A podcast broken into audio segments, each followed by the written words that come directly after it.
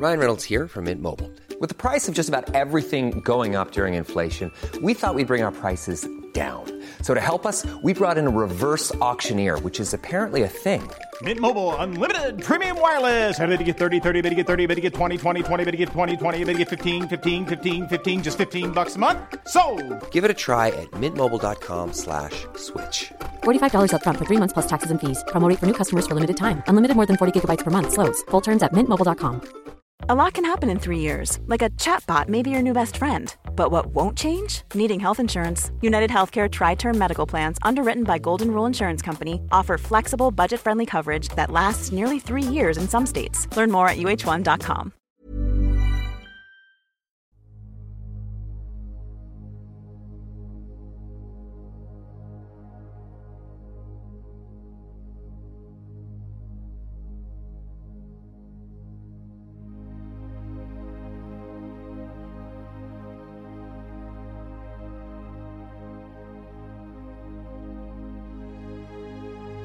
Ljus eller mörker gäller människor i den fysiska dimensionen och varelser i alla andra dimensioner.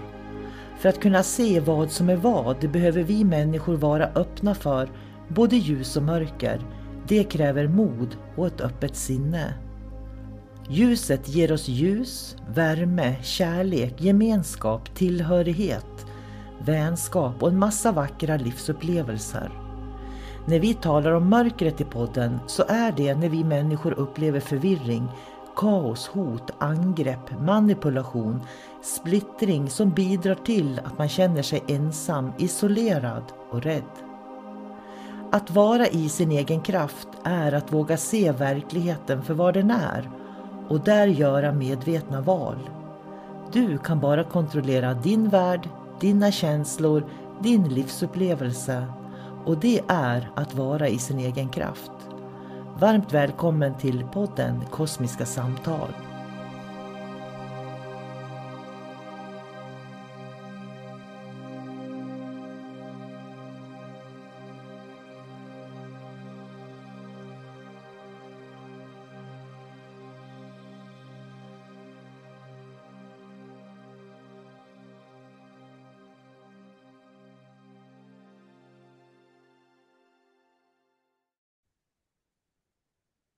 Hej och eh, varmt välkommen till Kosmiska samtal. Jag heter sol karina och jag arbetar som andlig lärare och inspiratör i Sverige. Jag håller på med utbildningar och det har jag gjort sedan slutet av 80-talet och eh, tar även emot för behandlingar. Eh, och samtal, framförallt har jag många samtal med människor som behöver hjälp och stöd att hitta rätt i den här djungeln så att säga. Och samtal kan man också ha med min kompis David. Så jag säger tjena moss David, hej! Hej hej, sol karina Eh, nu är vi här igen och eh, vi har ju skrivit två böcker tillsammans. En dold agenda om demoner och en dold agenda om utomjordisk kontakt. Eh, som jag tycker är riktigt bra böcker. Jag måste bara säga, jag är så nöjd med de böckerna. Så det är svårt att sätta ord på faktiskt. Ja, jo, det, det måste upplevas som allting annat.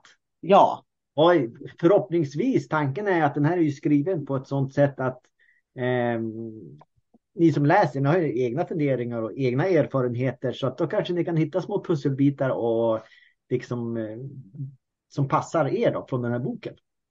och det är ju det många säger att eh, ja, men nu fattar jag vad det var jag var med om. Liksom så. Eh, Så att folk kan känna igen och, och hur den här astrala energin fungerar är ganska likt egentligen. Eh, Oavsett situationer så kan man ändå kategorisera hur den här lägre energin arbetar. Ja, det, jag brukar säga det att allting har ju en frekvenssignatur. Mm. Så att det, det lär sig, man ska ju lära sig att liksom, man får ju erfarenhet av allting man möter, allting man stöter på. Och eh, då kan man minnas hur det känns.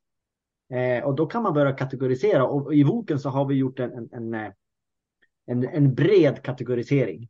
Liksom i, så, så att man ska kunna åtminstone lära sig vad är det jag ska passa mig för, vad är det som är ganska bra och vad är det som är bra. Alltså så att eh, Ja, men jag tror att den är väldigt hjälpfull den där boken och att man kan, man kan lära sig att hantera omvärlden. För det handlar inte bara om utomjordingar bara för att det, boken handlar om utomjordingar utan det är ju liksom alla kontakter. Mm. Med andra världar så att säga. Med andra, precis. Ja, ja.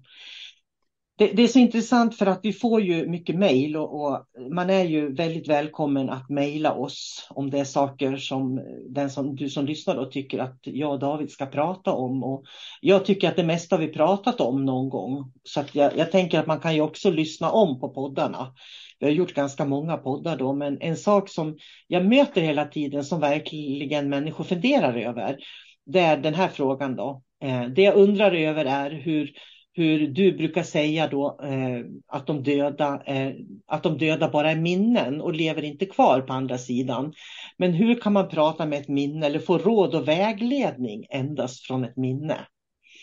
Och det här är ju sånt som vi verkligen fördjupar oss i, i den dimensionella utbildningen, så att man ska förstå hur det här fungerar.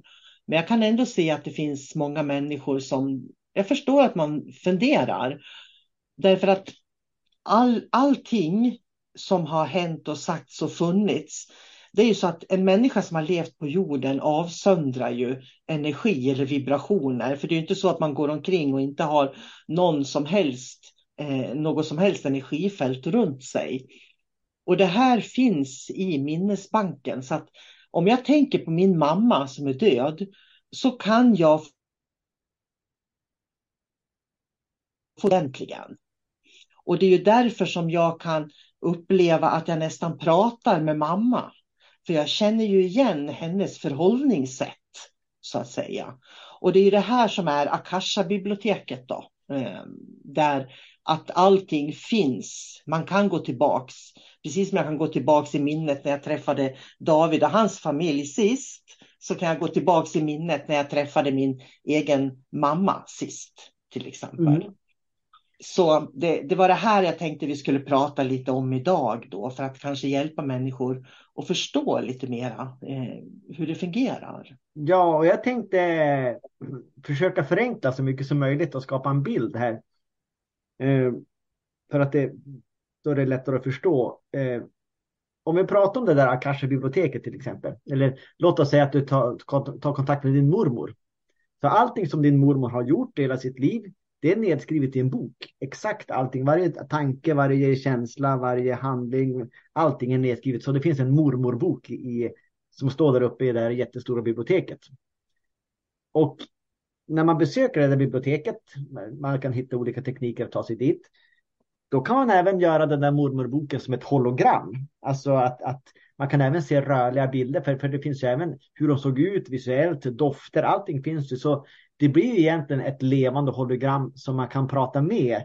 Egentligen är ju mormor död, men allting som hon var finns ju kvar. Så att man kan ju skapa sig den bilden eh, och då blir det ju enklare för, för våran hjärna också att liksom förstå hur det fungerar. Så jag kan gå till det där hologrammet, jag kan prata med mormor, hon kan ge mig visdomsord och råd. Men allting är ju liksom eh, baseras på att det ska vara inom bokens eh, sidor. Man kan ju inte ställa frågor som mormor inte vet, det har hon ju inget svar på. Men allting som mormor visste när hon levde, det, det finns ju i den där boken. Så kan, du kan ju prata med henne som hologram. Mm. Det, det jag tycker är så intressant är att människor hela tiden försöker förstå med intellektet. Och det går, och in, man, man, måste liksom komma ihåg att vårt hjärna, vårt intellekt är begränsat. Det är begränsat till det vi känner till. Så att våran, våran hjärna går, för att den ska gå utanför det vi känner till så måste vi liksom vara ganska modiga egentligen.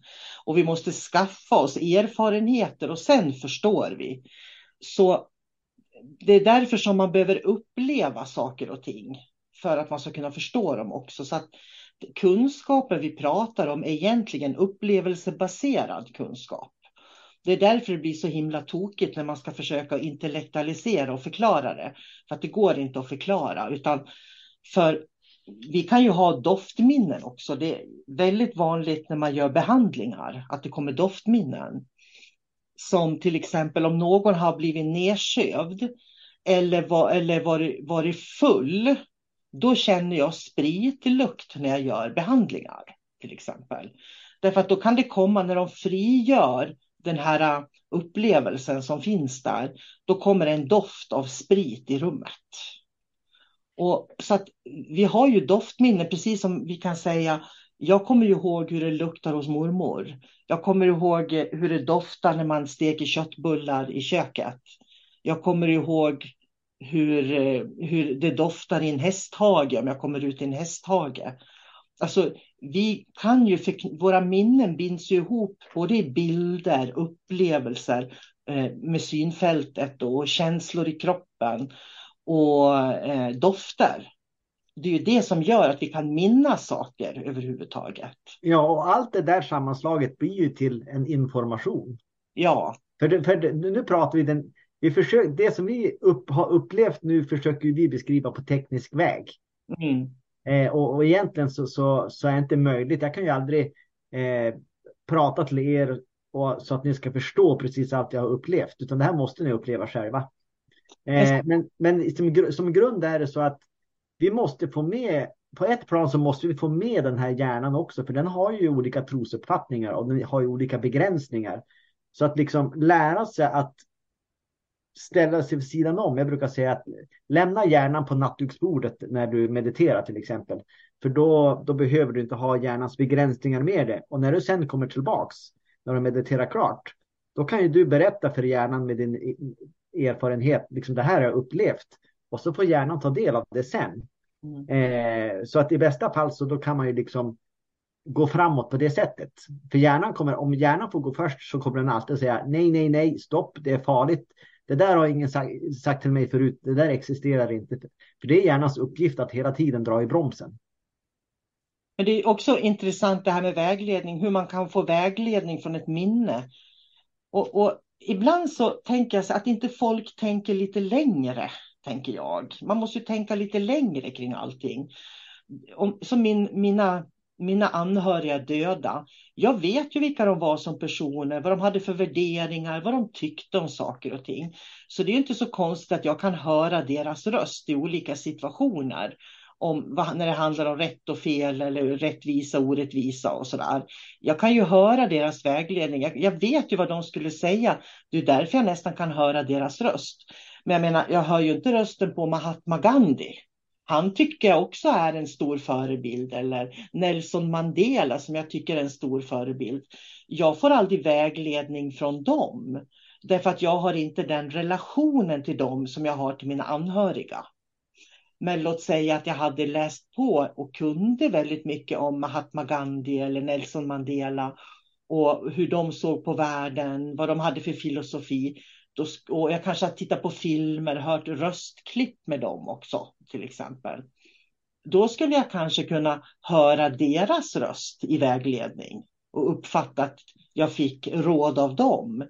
Därför att det är någonting som jag egentligen redan vet, för jag har hört eller varit med om det. Och det är det som hjärnan då... Ja, då, då filtreras det genom det då, helt enkelt. Ja.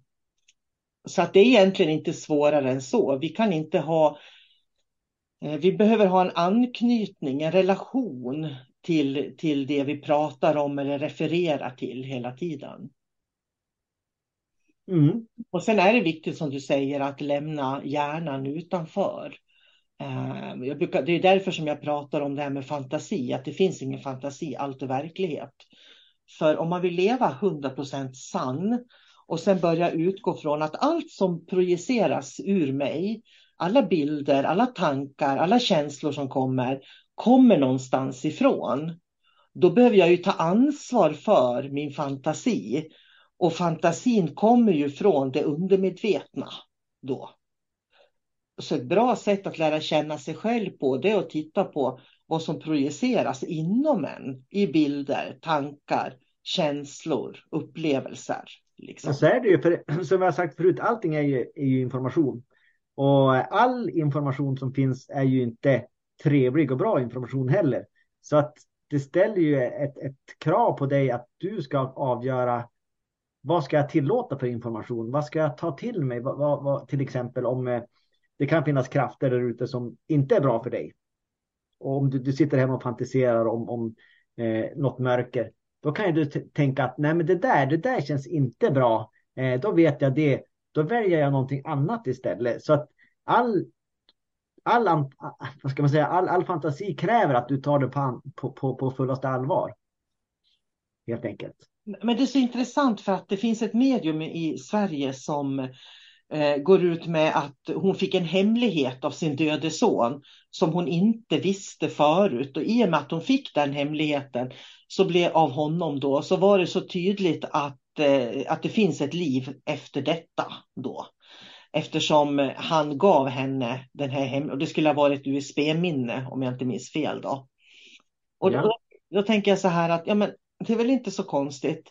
Jag kan ju gå tillbaks och prata med min mormor i, i hennes, för hon har ju ett helt liv som jag egentligen kan kommunicera i. Och så kan hon berätta massor av hemligheter som finns som inte jag har vetat tidigare. För den här kommunikationen kan ju ge mig information som jag inte har vetat om då. Grejen är att man behöver inte ens kommunicera med en död. Jag skulle lika gärna, och det kan ni också, gå till eh, backa bandet tills när du var tio år gammal. Sätt dig ner på en, en skolbänk där och prata med din klasskompis som du hade. Du kanske hade någon bästis när du var tio år gammal. Du kan sätta dig ner och prata med den bästisen just nu. Mm. Här och nu och få, få olika svar och, på era frågor. Så att man behöver inte ens vara död för att kommunicera på det här sättet och hämta information. Nej, för problemet är att man tror att man kommunicerar med någon som är död som kommer att ge en hemlig information. Fast man egentligen kan gå till den dödas liv och läsa av livet. Det är ju det som är psykometri, att läsa själen. Och så kan man hämta den här informationen. Och jag tror att, var, att man snarare ska ställa frågan varför hämtar jag viss information och annan information inte? Eh, jag tror ju att det här mediumet verkligen hade ett enormt behov av att få veta att hennes son har det bra. För av alla människor som jag har mött när jag har väglett dem eh, och med kommunikationen med andra sidan så vet jag ju att det enda de vill är att de ska veta att deras anhöriga har det bra. Mm. Och då blir det ju ännu farligare, ännu värre om man går omkring och bygger upp den här illusionen om att det finns en andra sidan där de är. Det är ju därför man vill veta att man har det bra. Om man istället kunde ta saker och ting för vad det är att kroppen dör och då ruttnar den och försvinner och blir jord.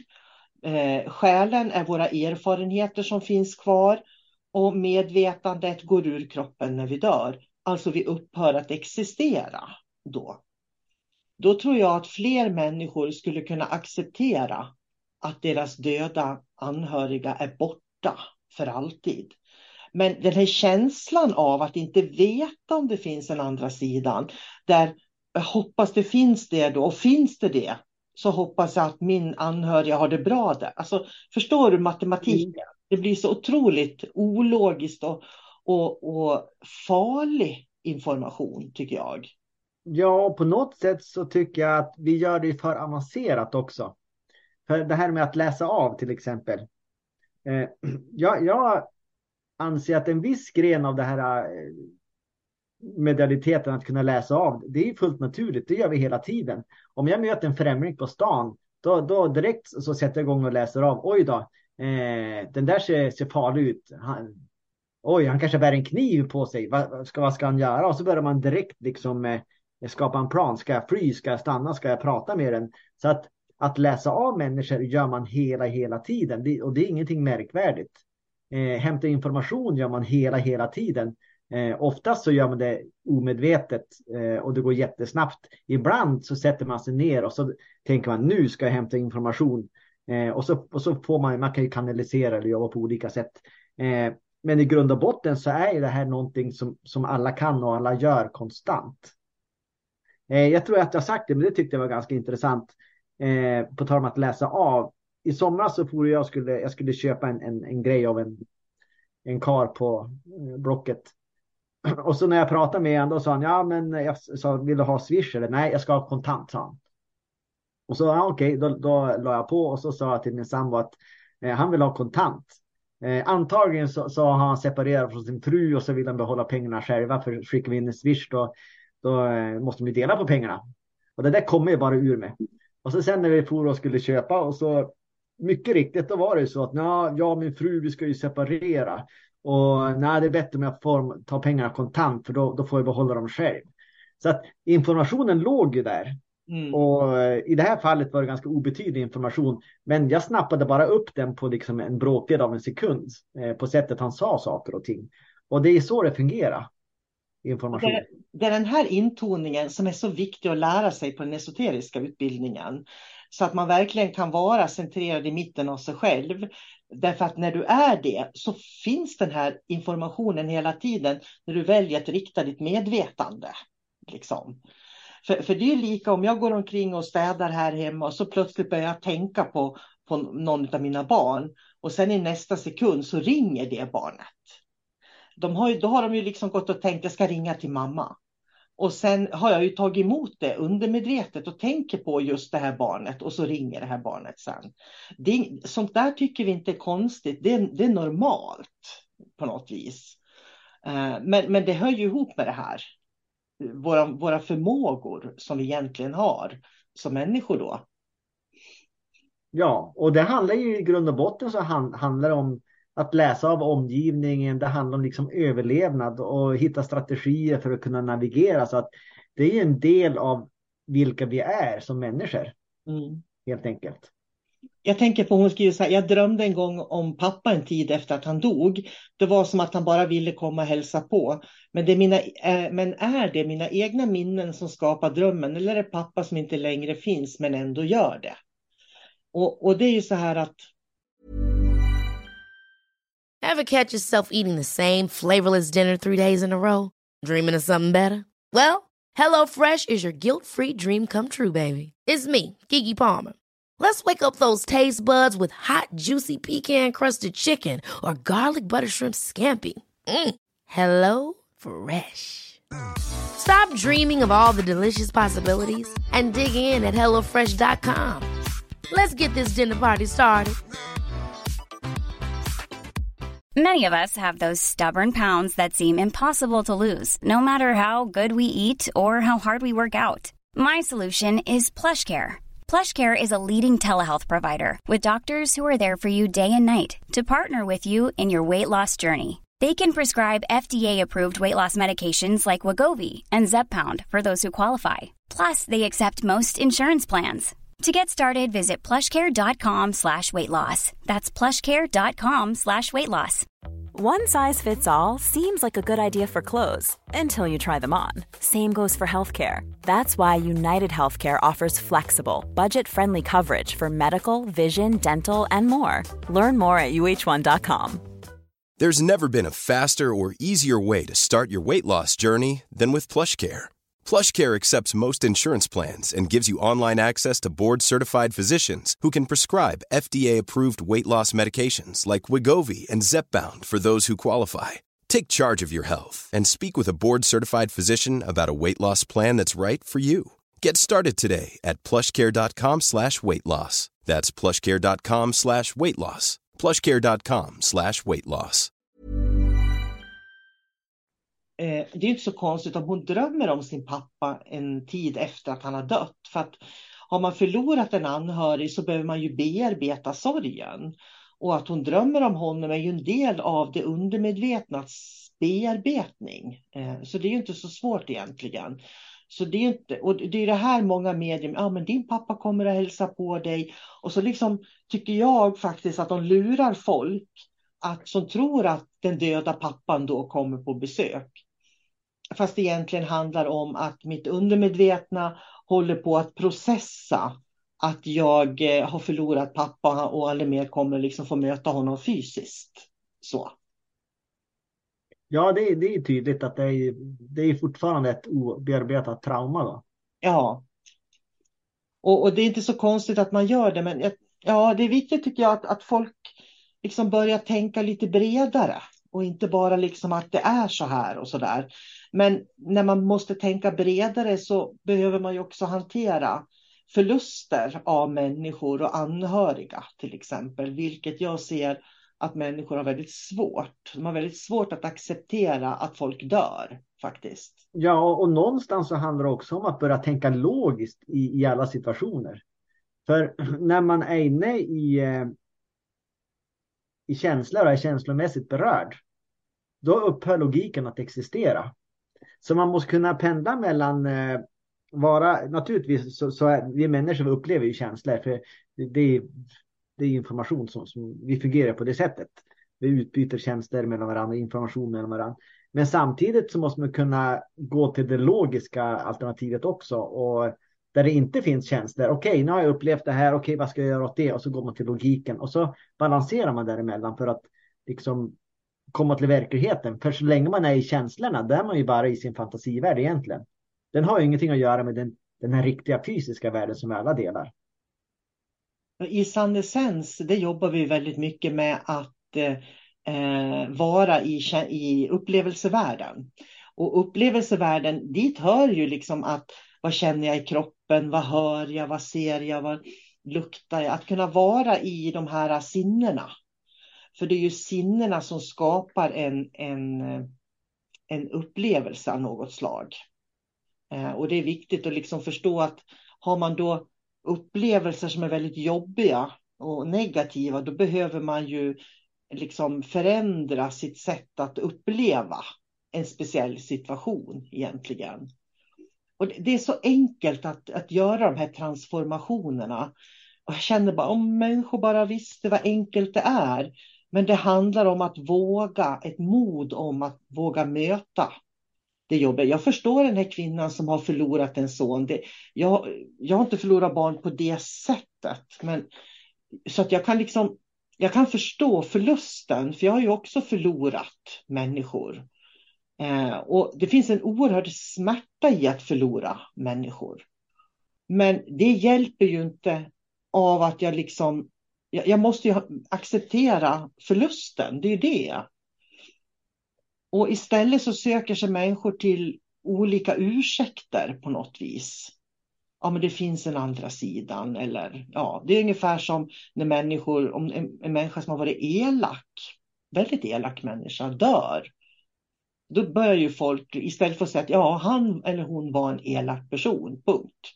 För det tyckte man när de levde ja, men han eller hon hade det ju så svårt och så jobbigt. Och så, så börjar man hitta på ursäkter. Så när de är döda är de plötsligt änglar, de här idioterna. Liksom.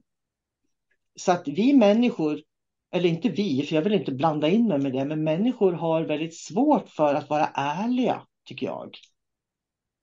För man klarar inte av smärtan, liksom. Nej, och det är väl det som är, är, är liksom det svåraste i det här att kunna stå för saker och ting.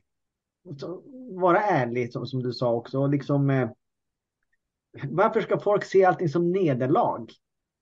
Allt, alltså nej, jag, jag, får inte visa mig svag för det är ett nederlag. Nej, jag får inte berätta eh, någonting från det här perspektivet för det kan någon annan tolka som att jag är, jag är på det här sättet. Och, men varför inte bara prata om att man har erfarenhet eller inte erfarenhet inom vissa områden. Det är väl ingen svaghet, det är väl ingen nackdel. Det är bara prata, vad har man att förlora? Mm. Alltså, varför har människor en heder? Alltså, hedern ställer till det väldigt mycket. Ja, och när det är obearbetat så, eh, så är det ofta svårare att prata om saker. Människor kan ofta inte prata om saker som är obearbetade. För då blir de känslomässiga och då behöver man hitta på en ursäkt till eh, varför det blev som det blev. Då kan man plötsligt prata om det för man intellektualiserar det. Men de kan inte prata om det för vad det är. Det får mig att tänka på en sak som jag upplevde när jag var nere i Fagersta. För då skulle vi, då skulle vi ha lunch och skulle vi ut och köpa mat. Och så var det någon som vet om då att eh, jag bor ju här uppe i Norrland tack vare dödshot som jag har haft då av en pizzabagare i Fagersta. Och sen eh, så vi kanske skulle köpa pizza allihopa, säger en av mina kursdeltagare. Ja, men det kanske vi skulle göra, sa jag. Vi kanske skulle åka till hans pizzeria allihopa och köpa en pizza och fråga om han har hotat någon till livet på sista tiden. Liksom sådär. Eh, och skoja om det då. Och jag tror att det är viktigt att kunna skoja om jobbiga saker. För att det fanns en tid när jag inte kunde skoja om det. Och det var på den tiden jag gick omkring och var livrädd för att han skulle döda mig. Faktiskt. Men sen kom jag till en punkt när jag känner att ja, men om han dödar mig, då dör jag väl då. Liksom. Men jag tänker inte gå och vara rädd för att han ska döda mig. Och det var ju en av anledningarna till att jag la kurserna just i Fagersta också.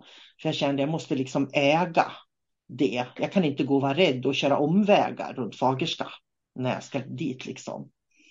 Så att ibland behöver vi möta det där äh, för att kunna prata om det på ett naturligt sätt också utan att det liksom väcker känslor i oss. Jo, det är viktigt och jag är också av den avsikten, eller åsikten att man kan skämta om allting. Det finns inga förbjudna ämnen. För det är jätteviktigt att få upp allting till ytan. Eh, sån, är, sån är jag som person.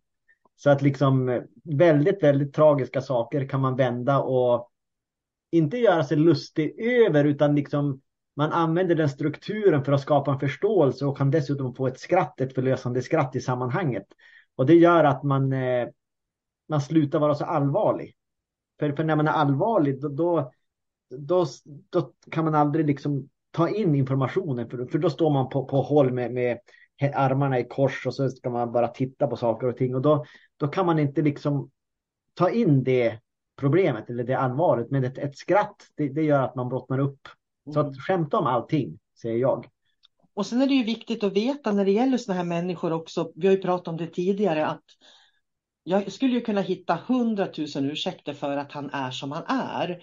Men det är ju ingen ursäkt för att man hotar och dödar andra människor och sådär. Det, eh, det, det, finns liksom inga ursäkter för det, utan jag tänker på det här som vi har pratat om också, att en medveten människa som har god kontakt med sig själv och sitt känsloliv och, och vet vem man är, skulle ju aldrig dödshota en annan människa. Utan det en människa som gör det är ju en människa som har väldigt mycket omedvetenhet med sig. Så att det, är ju, det är liksom, och det är ju det som är mörkret då, som vi kallar det för.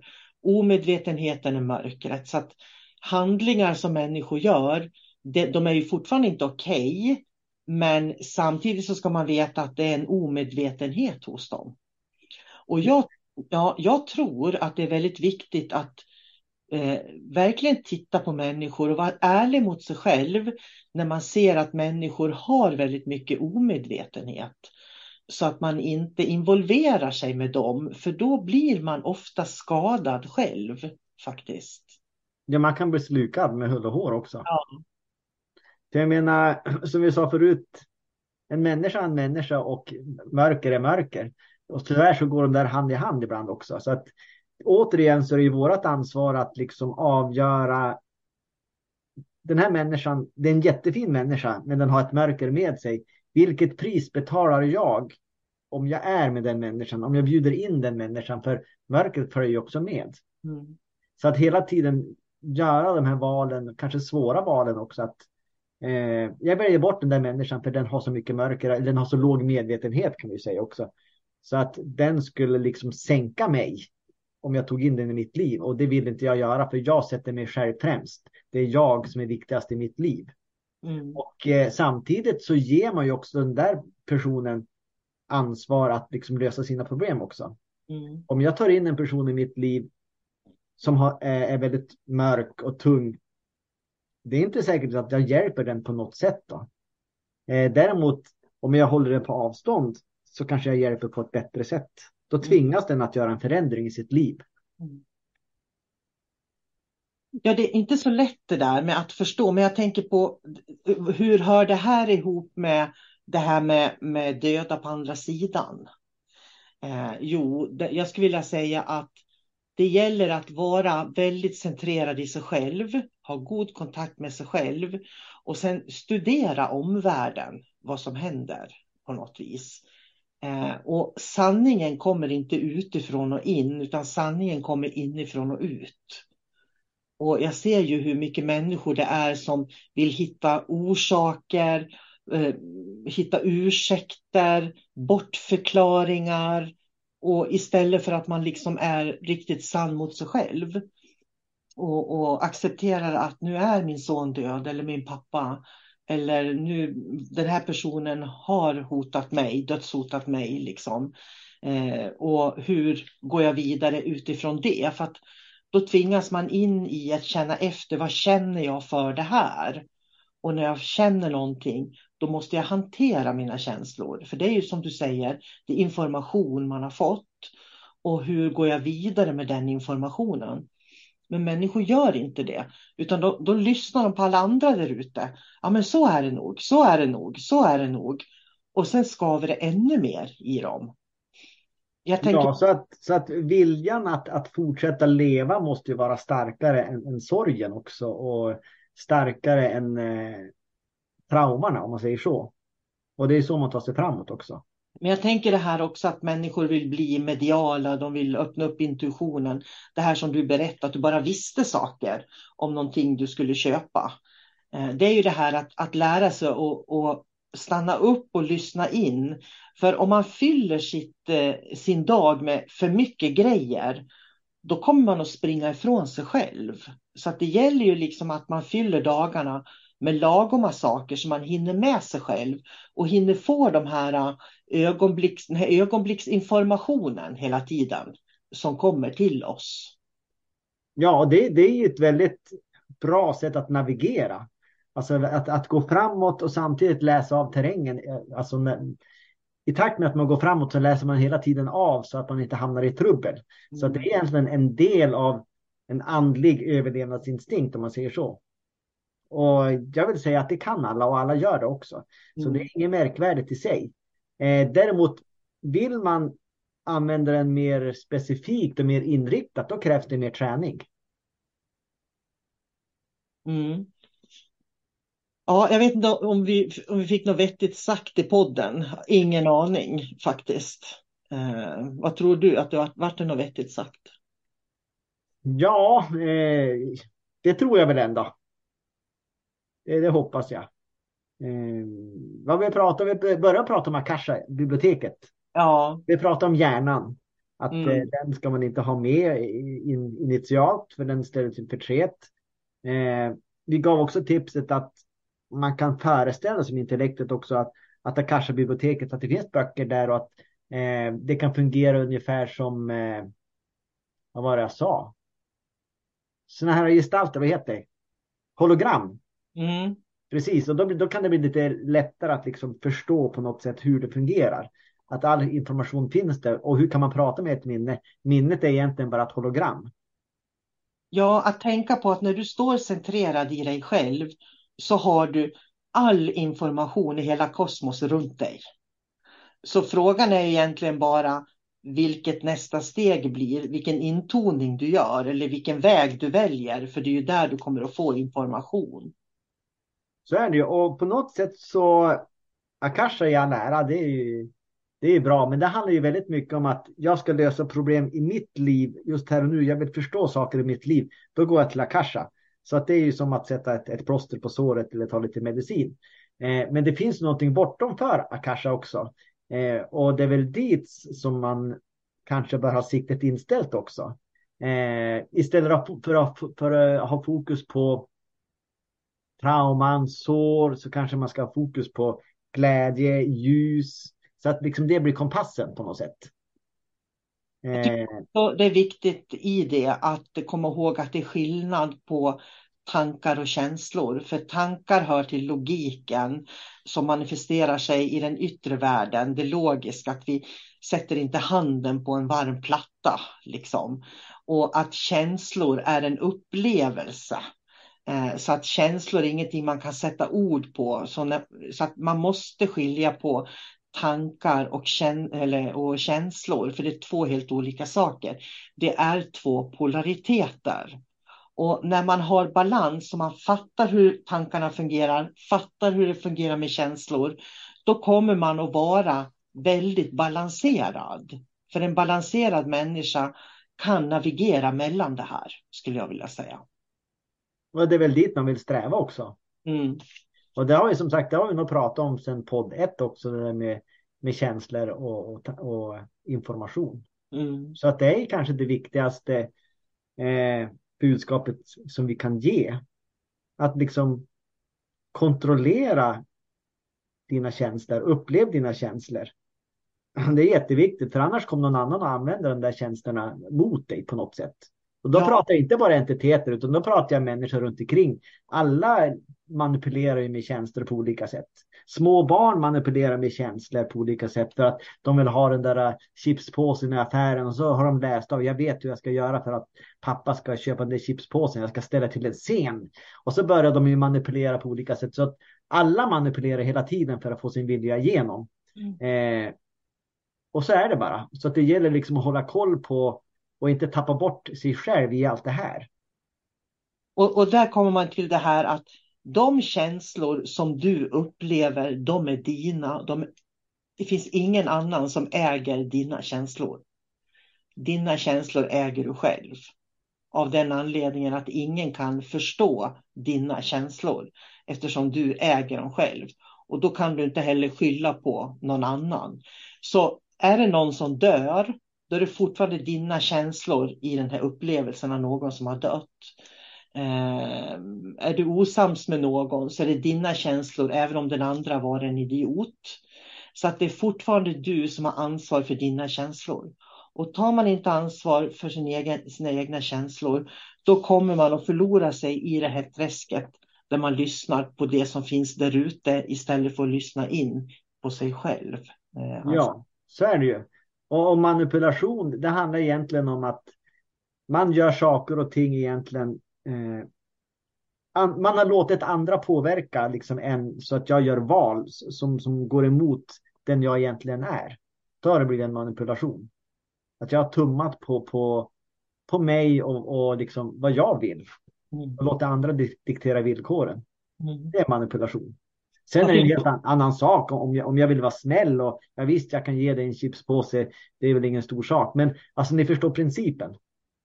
Att man måste hela tiden veta vem jag är och vad är det jag bjuder på egentligen. Man ska vara försiktig när man börjar när man börjar lyda ta, ta, ta order från andra till exempel. Det kan man göra i, i vissa situationer men man ska vara väldigt försiktig för det kan börja hända saker i i, i en människa. Man kan bli nedtryckt, man kan bli kuvad, man kan bli förändrad, man tappar bort sig själv på vägen.